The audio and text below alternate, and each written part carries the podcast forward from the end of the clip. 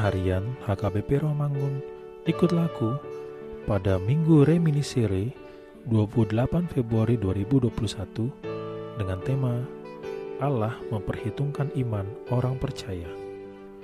Firman Tuhan hari ini diambil dari Roma pasal 4 ayat 13 sampai dengan 25. Demikian firman Tuhan. Sebab bukan karena hukum Taurat telah diberikan janji kepada Abraham dan keturunannya bahwa ia akan memiliki dunia, tetapi karena kebenaran berdasarkan iman.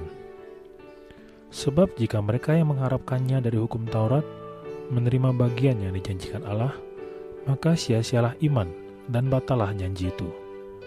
Karena hukum Taurat membangkitkan murka, tetapi di mana tidak ada hukum Taurat, di situ tidak ada juga pelanggaran.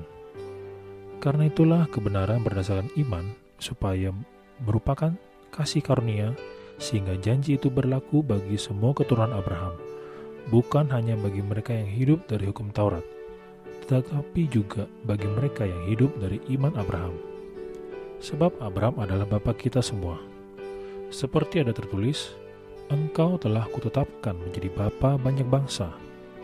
Di hadapan Allah yang kepadanya ia percaya yaitu Allah yang menghidupkan orang mati dan yang menjadikan dengan firman-Nya apa yang tidak ada menjadi ada. Sebab sekalipun tidak ada dasar untuk berharap, namun Abraham berharap juga dan percaya bahwa ia akan menjadi bapa banyak bangsa menurut yang telah difirmankan demikianlah banyaknya nanti keturunanmu. Imannya tidak menjadi lemah, walaupun ia mengetahui bahwa tubuhnya sudah sangat lemah, karena usianya telah kira-kira 100 tahun, dan bahwa rahim Sarah telah tertutup. Tetapi terhadap janji Allah ia tidak bimbang, karena ketidakpercayaan. Malah ia diperkuat dalam imannya dan ia memuliakan Allah dengan penuh keyakinan bahwa Allah berkuasa untuk melaksanakan apa yang telah Ia janjikan. Karena itu, hal ini diperhitungkan kepadanya sebagai kebenaran. Kata-kata ini yaitu, hal ini diperhitungkan kepadanya tidak ditulis untuk Abraham saja, tetapi ditulis juga untuk kita.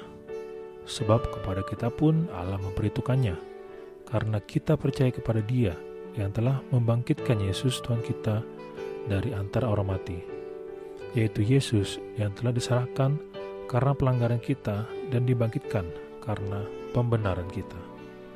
Demikian firman Tuhan. Iman adalah suatu sikap yang di dalamnya seseorang melepaskan andalan pada segala usahanya sendiri untuk mendapatkan keselamatan. Iman kepada Allah merupakan suatu hal yang sangat dibutuhkan oleh manusia untuk menjalankan kehidupannya Hal ini terbukti dari banyaknya godaan dunia untuk menghancurkan kehidupannya. Untuk itulah iman sangat dibutuhkan dalam kehidupan manusia.